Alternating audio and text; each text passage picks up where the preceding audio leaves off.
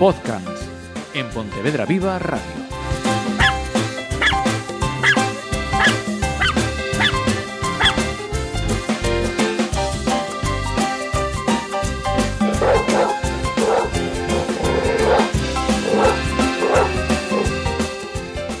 Hola, ¿qué tal? Eh, ya habéis eh, oído a los eh, invitados que nos acompañan siempre al comienzo de podcast, así que llega este programa quincenal en el que hablamos pues, de, de, los perros, de los canes, de nuestras mascotas y quien no puede faltar en este programa, sí o sí, es eh, Diego Álvarez. Bienvenido Muchas una gracias. semana más.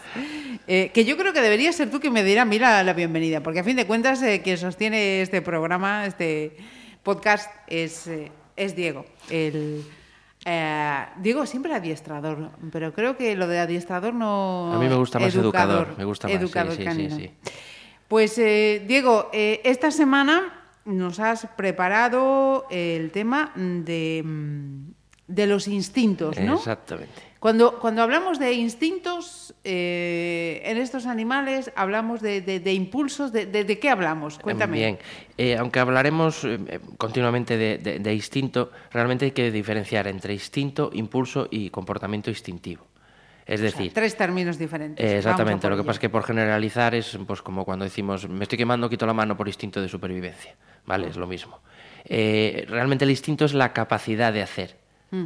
Por su lado, el impulso es el deseo de hacer y el comportamiento instintivo es la forma de hacer. Es decir, eh, hablamos, por ejemplo, de- del instinto de caza. Eh, el perro tiene la capacidad de hacer, de, eh, de hacer, o sea, de cazar, por lo tanto tiene ese instinto. Eh, el hacerlo en sí, el deseo de hacerlo, es ese impulso.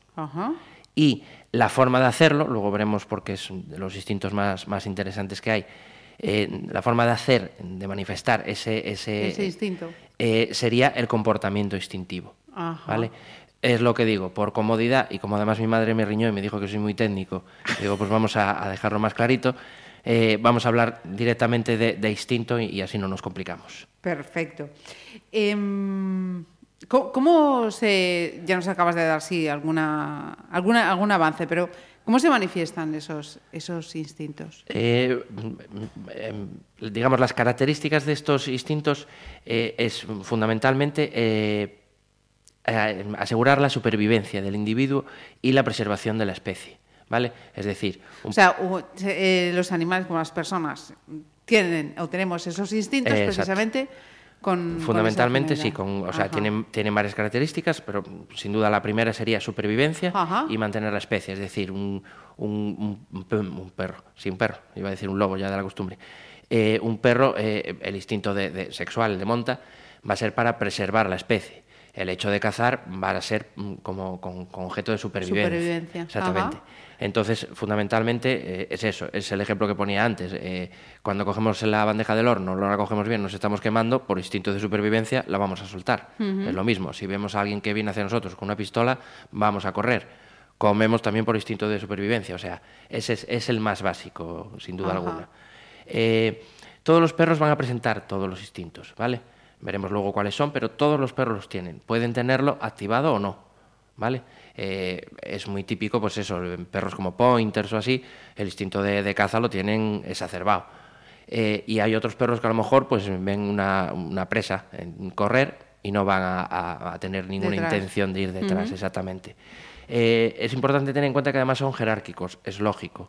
Eh, ¿Qué quiere decir que sean jerárquicos? Si ponemos, por ejemplo, el instinto de caza y un instinto de supervivencia, supongamos eso, que el, mm, que el perro eh, se está sintiendo amenazado por algo, pero al mismo tiempo quiere comer, ¿vale?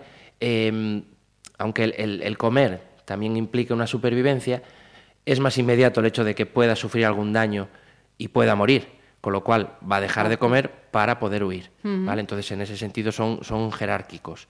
Eh, eh, lo que comentábamos antes, hay razas que tienen más potenciados, incluso dentro de los mestizos, lógicamente, eh, unos instintos más que otros. Eh, ¿Por qué? Por selección natural, ¿vale? Ha sido el, el hombre eh, el, que, el que ha potenciado unos y disminuidos otros. Un ejemplo claro es el border collie. Un, un border collie cuando está pastoreando no está más que haciendo una caza en la que la última fase, como sería la mordida, está inhibida. Hay algunos que incluso llegan a morder, pero vamos, Sí, sí. eh, está, esa, ese- esa última fase está inhibida. Labradores, el cobro, que es muy típico en ellos, es nuevamente una caza en la que cogen algo, lo transportan y nos lo traen. ¿Vale? Entonces hemos potenciado unas y hemos, eh, pues eso, no inhibido. Relegado otras. Exactamente, dejado con, con menos potencia, digamos. Eh, eh, además, los instintos lo que tienen es que se, des- se desencadenan con, con estímulos simples. ¿Vale? Por ejemplo, eh, el instinto este que hablábamos de caza, eh, por movimiento se activan. Es muy típico ver mm, eh, perros que están a lo mejor en, en una finca y el típico perro que cuando pasa y se junta a veces también con miedo. Un corredor, un ciclista, tienden a, eso se mueve, vamos a- hacia allá. Y a lo mejor tienen otro perro y no tiene ese comportamiento. Lo más seguro es que se acabe, se acabe activando, por ese- en este caso probablemente por observación, por, por contagio, y acabe dando ese, ese tipo de, de comportamientos. Ajá. Entonces, eh, es importante tenerlo en cuenta. Eh, es muy fácil de ver, los cachorros. Los cachorros, hasta que entienden que no todo lo que se mueve hay que cazarlo, van paseando por la calle, pasa una hoja, eso se caza. Pasa una bolsa, eso se caza. Entonces, es, es, es eso, es un, es un instinto. Ajá. Son innatos, ¿vale? Nacen, nacen con ellos, ¿vale? Entonces, eh, es como, como decir, eh, voy a hacer que un perro deje de cazar. No, no lo vas a conseguir, el perro es cazador, ¿vale? Podrás inhibirlo un poco más, un poco menos, pero no es innato, no, no- no- en ese sentido no, no nos queda otra. Eh, es importante también señalar que se activan a lo largo de, de la vida y algunos son episódicos. Por ejemplo, el instinto maternal eh, se activa en el nacimiento del último cachorro y a los 10-15 días, quiero, quiero recordar, déjame que lo consulte, sí, eh, se desactiva, ¿vale? Entonces, hay otros no, que una vez que están activas pues van a durar, lógicamente. Sí, sí. Eh, es difícil modificarlos, ¿vale? Pero Ya te me has adelantado Me he a la adelantado, pregunta. pues nada, me parece genial. No, con no, lo cual te digo, voy aprendiendo, voy aprendiendo. vale, vale. Pregunta, pregunta. Sí, sí, era, era por ahí eso, modificarlo. Sí, Sí, se sí. puede modificar, ¿vale? De hecho, nosotros como propietarios, o ya sabéis que me gusta mucho más llamar como guías de los perros, eh, es nuestra función eh, modificarlos o, o adaptarlos a la sociedad en la que vivimos. Es decir, sigo diciendo, el perro es cazador, por eso hablo mucho de caza, ya veréis que es el, el que más, eh, el más importante probablemente, para, digamos, cara, cara al humano, y el que más aplicaciones puede llegar a tener. Em, debemos de saciar esos instintos en los perros, ¿vale? Eh, un ejemplo, bueno, ya habíamos hablado el otro día de lo del lanzamiento de pelota tras pelota, Sí. que no es sano, pero sí es una forma de saciar. Prefiero hacerlo, pues lo que hablábamos, por, por, por, por olfato, no por vista, pero es una forma de saciar. El instinto de presa, mordida. Mm, Una de las mejores formas, creo que lo habíamos comentado el otro día, e- era el ejercicio del cobro, que el perro coja algo y me lo traiga. Sacia muchísimo el instinto de, de caza, caza. en ese sentido. Entonces, evidentemente, eh, modificar, modificar a nuestro beneficio, sí, se hace, y de hecho es- o sea, lo vemos en el día, en el día a día. Eh, a, mayores de que, como todo, eh, maduran con la práctica los instintos. Es decir, el perro eh, empezará cobrando mal, como quien dice, y cobrará mejor, ¿vale? O cazará mal y cazará mejor. Estamos mucho hablando de- del instinto de caza, realmente en el perro está manifestado. No tiene esa necesidad porque tiene su cuenquito con su pienso, entonces no es tan, tan tal como puede ser en el lobo, ¿vale? Pero existir existe y de hecho muchos de los problemas conductuales eh, vienen derivados de ahí. Eh, yo conocí un pastor alemán en Vigo, en Vigo además, que se dedicaba a cazar autobuses. ¿vale? Pasaba un autobús y quería ir detrás para cazarlo, ¿vale? Pero estaba en elevados niveles de estrés, entonces la capacidad de gestionar cualquier cosa era, le, era, le era muy complicada. Estoy, imagi- estoy imaginando la, la situación. Eh, nos estás hablando del instinto de, de caza, nos decías que es el, el principal, el más importante de los instintos, con lo cual eh, hay muchos, pocos. eh, Hay unos cuantos. Ahí te voy a llevar, o sea, o me expliqué yo mal o me entendiste tú mal.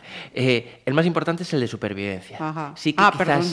el más importante para nosotros, por los beneficios y a veces por, por lo que implica, eh, sea el de caza. Ajá. Pero eh, el, para el perro, desde luego, igual que para el ser humano o para cualquier ser vivo, el instinto más importante, El sin duda, es- el de, supervivencia. el de supervivencia. Ajá, vale. El, el de caza es lo que digo, por, por lo que implica detrás de, de- de la caza. Hay varios, hay el instinto sexual que hablábamos antes, de, o sea, por prevalecer la, por La especie. exactamente. El de defensa, ¿vale? Están, eh, est- están asociados, pero vamos, eh, eh, la defensa y la supervivencia, vamos, vienen Van íntimamente, parejas. exactamente. Lo mismo en cuanto a defensa, huida o evitación. Ya habíamos hablado de, de cómo manifiesta el- el- la- una conducta el perro ante algo que le resulta incómodo. Habíamos visto, visto señales de calma, advertencia, eh, inmovilidad o huida y agresión. Entonces, está como instinto. El de seguimiento, ¿vale? Eh, eh, los perros tienden a, se- a seguir a sus guías. Ahí es un- nuevamente podemos ver el nivel jerárquico. Hay el instinto de seguimiento, el perro sigue al guía, pero de repente pasa un gato y pasa del guía, sale corriendo detrás del gato y, y ni caso. Y si no está con, con la correa o no tiene bien la llamada, ya tenemos un disgusto. Entonces ahí nuevamente vemos la jerarquía. Eh, la jerarquía, pero dentro de la familia, es decir, habíamos hablado de lo de David Meck, de los lobos, eh, los cachorros tienen claro que jerárquicamente los padres están por encima, ¿vale? Eso es un instinto también. Y habíamos comentado antes, por ejemplo, el maternal. Eh, entonces, eh, este, en este caso se activa y se desactiva, y, los otros, pues por lo general, permanecen o se activan y, permanecen en la vida del, del perro. Eh, mm, fíjate que mm, se, me- ha ido un poco la, la- la cabeza cuando estabas diciendo lo, lo de guía, ¿no?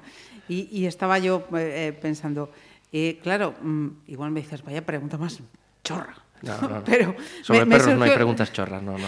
Me, me surgió lo- el tema del- de los perros guía. ¿También tienen eso es instinto también? Sí, sí, desde luego que sí, evidentemente. A ver, por ejemplo, en caso de los perros guía, el instinto de cobro eh, lo suelen tener eh, bastante potenciado. Interesa que el- cuando el, el guía les dice tráeme las llaves o tráeme el mando, en el caso de una persona a lo mejor invidente, una persona con movi- movilidad reducida. Entonces, eh, eso es, es un- dentro de la caza es el instinto de cobro, es coger algo y traérnoslo. Entonces, sí, sí, sí, sí, totalmente. O sea, Todos los perros lo van a tener.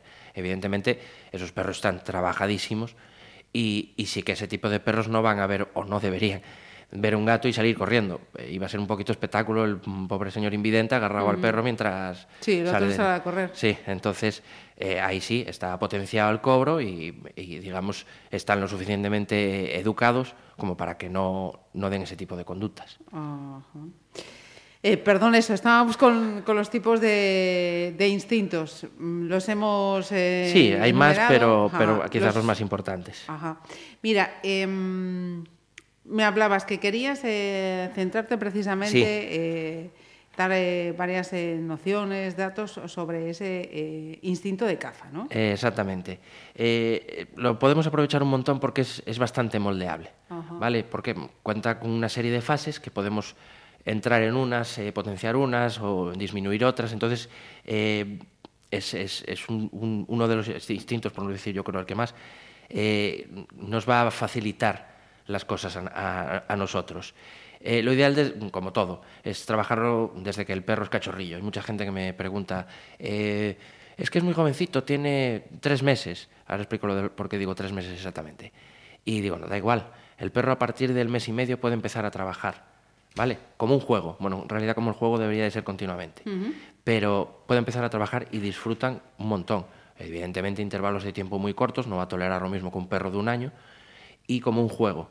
Pero se puede sin problema, eh, sin problema ninguno. Quiero aclarar, ¿por qué dije tres meses? Eh, aunque no, no es bueno, sí, no es cuestión distinto, pero eh, nunca se debería de destetar, salvo que haya un problema con la madre, a un perro antes de los tres meses, ¿vale? No sé si lo habíamos comentado en algún momento, si habíamos hablado de lo que es el periodo crítico de socialización y tal. Los mejores profesores, sin duda, en- en- de- desde que nace hasta los tres meses, es la madre y los hermanos. ¿vale? Creo que había sido en, en uno de los programas que habíamos comentado que, por ejemplo, este tipo de perros destetados prematuramente suelen tener problemas con la mordida. ¿Por qué? Porque en el momento que mm, está jugando con uno de sus hermanos y jugando se pasa mordiendo, el hermano le va a dejar claro que así no se juega. A mí, yo tengo un hermano y me pasaba lo mismo. Jugamos, uno se pasaba, yo, "Oye, tío, yo así no juego. Tasca. Exacto. Entonces es, mm, no se debe de recomendar nunca destetar antes de los tres meses, ¿vale? Por eso digo que Se puede trabajar antes, pues si la camada la tuviste tú en tu casa, vas trabajando con los cachorrillos, ya hablaremos de los cachorros, de, de la manipulación de los cachorros, la estimulación temprana y todo esto que es muy interesante. Eh, y desde pequeñitos empezar a, a- a estimularlos, a, a enseñarles cosas que se mueven para que se vayan habituando, para que no vayan cazando todo lo que se mueve por la calle, porque eso es desesperante. Eh, como comentaba, eh, la caza está formada por una secuencia y ahí es lo que, lo que decía, que en función de- del perro, de la raza o del individuo, van a tender a manifestar hasta un determinado punto o continuar o, o- o lo podemos incluso eso, moldear nosotros. Lo primero, está- esto está súper relacionado a los que vean los documentales de la 2. Yo- yo- todo el mundo dirá, yo veo los documentales de la 2. Yo sí, por eso Telecinco tiene la audiencia que tiene. sí. efectivamente, Sí, sí, y la nadie comprará pronto. Es así. conclusión. Sí. Eh, lo primero que va a hacer el, el- el perro, se- quizás sea más visible en el lobo, ¿vale? Pero es así, es el acecho, ¿vale? Ajá. Es un comportamiento muy típico de los border collies, eh, acechar, agacharse, agazaparse. Eh, esto es interesante, que lo habíamos comentado en las señales de calma. Una cosa es tumbarse como señal de calma para saludar a otro perro y otra cosa es un agazapamiento en el que lo que estás viendo es que en cuanto pase el otro por delante lo que va a hacer es el perro lanzarse a por esta presa o lo, o- o lo que sea. Eh, tienden a ralentizar un montón lo- los, los movimientos. Ejemplo clarísimo, el pointer. Eh, si nadie vio un pointer trabajando, es muy claro en los dibujos de Disney, que vemos a este perro que de repente va caminando y se queda con una pata de levantada, inmóvil y mirando hacia un- en una dirección. Está marcando que ahí hay una presa. ¿Vale? Es un espectáculo verlos hacer, hacer eso, es, es impresionante. Ahí realmente hemos cogido el perro y de toda su secuencia de caza, en la primera lo hemos cortado, lo hemos parado. Márcame dónde está la presa. ¿Vale? Es, eh, la verdad es que mm, si no lo habéis visto nunca merece la pena. Bueno, para mí que me encantan los perros, a lo mejor otro le da igual. Eh, luego la, persecu- la persecución. Eh, mm, se activa muchísimo por el movimiento, la caza. ¿vale? Entonces llegan a una distancia crítica a la que la presa empieza a huir. En ese momento, evidentemente, salen disparados detrás de la presa y, en- y se inicia la, la persecución, también muy típico en los documentales de, de- de animales. Luego, morder. Una vez que alcanzan a, la presa, la, la muerden y aquí eh, ha intervenido un montón el hombre, dando lugar a lo que se llama la boca dura y la boca blanda. ¿vale? Aquí, eh, boca blanda estaría asociado con el cobro, es decir, si yo tengo un labrador, ya sabéis, hablo de, de- siempre de razas, pero porque es muy visual. Sí, sí, sí, sí. Todo el mundo sabe que Viene soy- bien además que Exacto, soy lo pro... visualicemos de esa Claro, manera. claro. Soy mm, pro a- a mestizos hasta que las protectoras estén vacías, pero para verlo es muy visual. Eh, si un perro tuviese lo que se llama bocadura, un labrador tuviese lo que se llama bocadura, y le decimos tráeme el mando a distancia, tendríamos que comprar un mando a distancia cada vez que nos lo trae, porque lo, lo reventaría. Sí, sí. ¿vale? Mientras que un perro de, boca dura son perros, pues por general, perros de protección, como puede ser, por ejemplo, un pastor alemán o un belga malinois, ¿vale? Entonces eso es muy importante también a la hora de, de- de trabajar, ¿vale? Eh, claro que puedes enseñarle a, a un, a un belga una mordida blanda, pero te va a ser mucho más complicado que enseñárselo a un labrador que ya, a nivel innato, ya tiene esa mordida blanda, ¿vale? Y eso ha sido una selección artificial pura y dura. vas cogiendo especímenes mm, que muerden suave, los vas cruzando y obtienes eso, no tiene tampoco mucha, mucha ciencia. Eh, finalmente tienen la sacudida, que el objetivo es matar a la presa. Muchas, eh, muchas veces no eh, se piensa que matan por mordida y lo que hacen realmente es una vez cogida la presa, bueno, en el caso de si la presa es muy grande no, sí pueden matar por asfixia, pero eh, lo que hacen es sacudir. Mm, Por desgracia alguno lo habrá visto, yo no lo he visto, pero sé cómo funciona. Lo típico de un perro que engancha un gato. La tendencia va a ser enganchar y sacudir. Lo que hacen es matar a la presa, pero por sacudida, no por, ni por estrangulamiento ni nada, ni nada así. Eh, es muy típico verlo en los en- jugando con perros a, a morder algo y al tira y afloja. Por lo general, cuando soltamos, se quedan con, con el juguete Sí. y lo sacuden. ¿vale? Es, es, eh, vamos, es secuencia de caza pura y dura. Y finalmente el transporte. ¿vale? Es lo que hablábamos. eh, el labrador va a coger el mando y me lo va a traer. El perro de caza va a coger la presa y me la va a traer. Eh, eso viene un poco, eh, ahí hay selección natural, pero eh, realmente lo que haría un lobo sería coger la presa y llevársela a un sitio tranquilo en la que nadie le moleste ni, ni se la puedan robar y lo que va a hacer es comerse la pieza. Probablemente ese último instinto de, de comerse la pieza en el perro está muy, muy, muy inhibido. Perros salvajes, eh, a lo mejor, y perros que, que vivan en la calle, pues no le queda otra, nadie le va a poner su plato de comida, con lo cual pues despezarán y, y se comerán a la presa, lógicamente. Eh, vale, o- o- otra pregunta también a raíz de, de este tema que hoy traemos a, a colación y, y de esta parte concretamente de- del instinto de caza. Estaba eh, pensando, eh, cuando hablamos de los eh, perros potencialmente peligrosos, imagino que es fundamental precisamente el tema de los instintos, este instinto de caza y cómo eh, la persona eh, modifique, potencie o, o relegue ese instinto concretamente, ¿no? Exactamente. A ver, eh, te has adelantado un programa. Vaya, vale, Uno pues venga, program- lo dejamos ahí, lo cuento un dejamos poco, ahí. Lo cuento un poco por encima, pero sí, desde luego, ¿qué tienen los perros eh, mm, potencialmente peligrosos? Realmente es, es un instinto de presa exacerbado. Eh, entonces tienen muy exacerbado ese instinto con el fin de apretar, sacudir y matar a la presa. ¿Vale? Pero eh, el tema de los PPPs eh, quería, quería hacer un programa dedicado específicamente a, a, ese a esa temática. Perfecto. Complementamos entonces este centrado en los instintos en alguna recomendación de algún libro, de algún vídeo. Eh, a ver, en este sentido, yo quizás pondría el, el vídeo para que veamos lo que es. eh, no está relacionado con los instintos, pero me- no sé si lo voy a comentar ya de este vídeo. Eh, está más orientado a las razas, quizás, pero bueno. Que es, eh, hay un vídeo en internet que se llama Perros con pedigrí, con pedigrí al descubierto. ¿Vale? Perros con pedigrí, pedigrí al descubierto. Exactamente. Mm, Ya digo, no está orientado a, a- a- a- a lo que son los instintos, pero sí que es para que un poco la gente entienda cómo el ser humano modifica, muchas veces en beneficio, eh, eh, a los perros y lo que puede implicar, ¿vale? Entonces, ¿qué quiero decir? Eh, ¿Podemos modificar los instintos? Sí. ¿Debemos? En muchas ocasiones sí, pero las cosas con coherencia, ¿vale? Porque lo que se ve en este vídeo pues es que no está más, más orientado incluso a, a aspecto físico que a aspecto, digamos, comportamental, pero me parece un vídeo más que, más que interesante en ese sentido. Ajá, Vale. Y luego, bueno, eh, instintos, verse el hombre y la tierra de Félix Rodríguez de la Fuente, o sea, mejor ejemplo no lo hay. Así, sin que haya necesidad de perros. El hombre y la Eh, sí, sobre todo los capítulos referidos al lobo, eso es una Mm. pasada, o sea, son... Aunque eran, Pues, si no recuerdo mal, eran manadas no naturales. Sí, sí, totalmente. Todo un clásico. Y nos acompañas también siempre con una frase. Exactamente. Hoy es de, de Charles Darwin, que dice que la esencia del instinto es que es seguido independientemente de la razón. Y perdón, independiente de la razón, no independientemente. Repetimos, Diego. Vale. La esencia del instinto es que es seguido independiente de la razón. Es lógico, o sea, eh, lo hablábamos yo creo en, en una de las charlas, que nos interesa, nos interesa la mayor parte de las veces, por no decir todas, que el perro razone, no que se mueva por su carácter instintivo. Mm, Si se mueve por la razón, va a entender que mm, ese autobús no hay que perseguirlo. Sin embargo, el instinto a lo mejor le dice que sí, que hay que, per- sí. que perseguirlo. Ajá.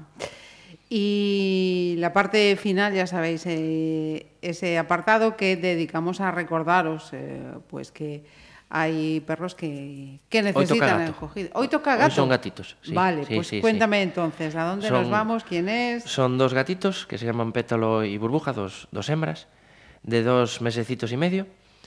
Eh, se busca, si se puede, sería lo ideal, que la adopción sea conjunta, ¿vale? Porque Pétalo eh, no ve, o si ve, ve muy poquito de ninguno de los dos ojos, y Burbuja no ve de uno. Entonces se apoyan muchísimo, se ayudan un montón.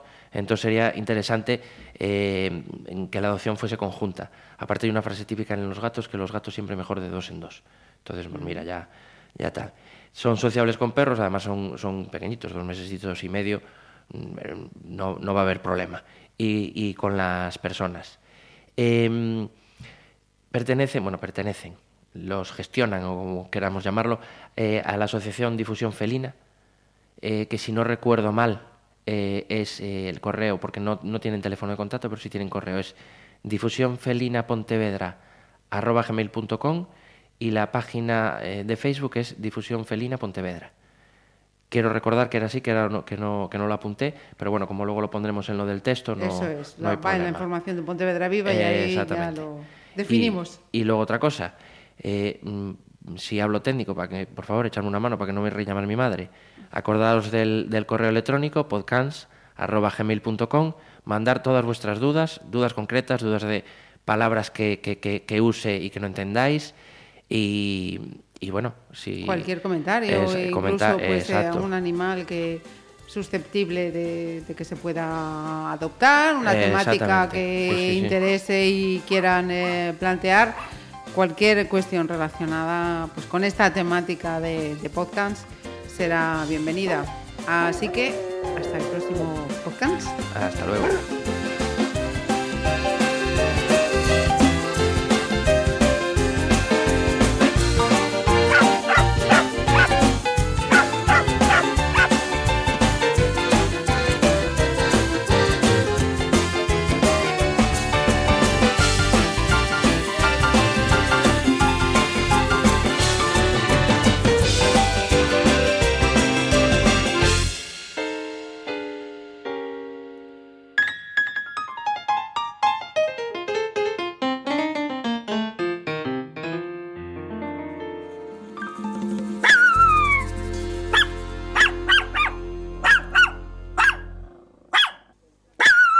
Podcast en Pontevedra Viva Radio.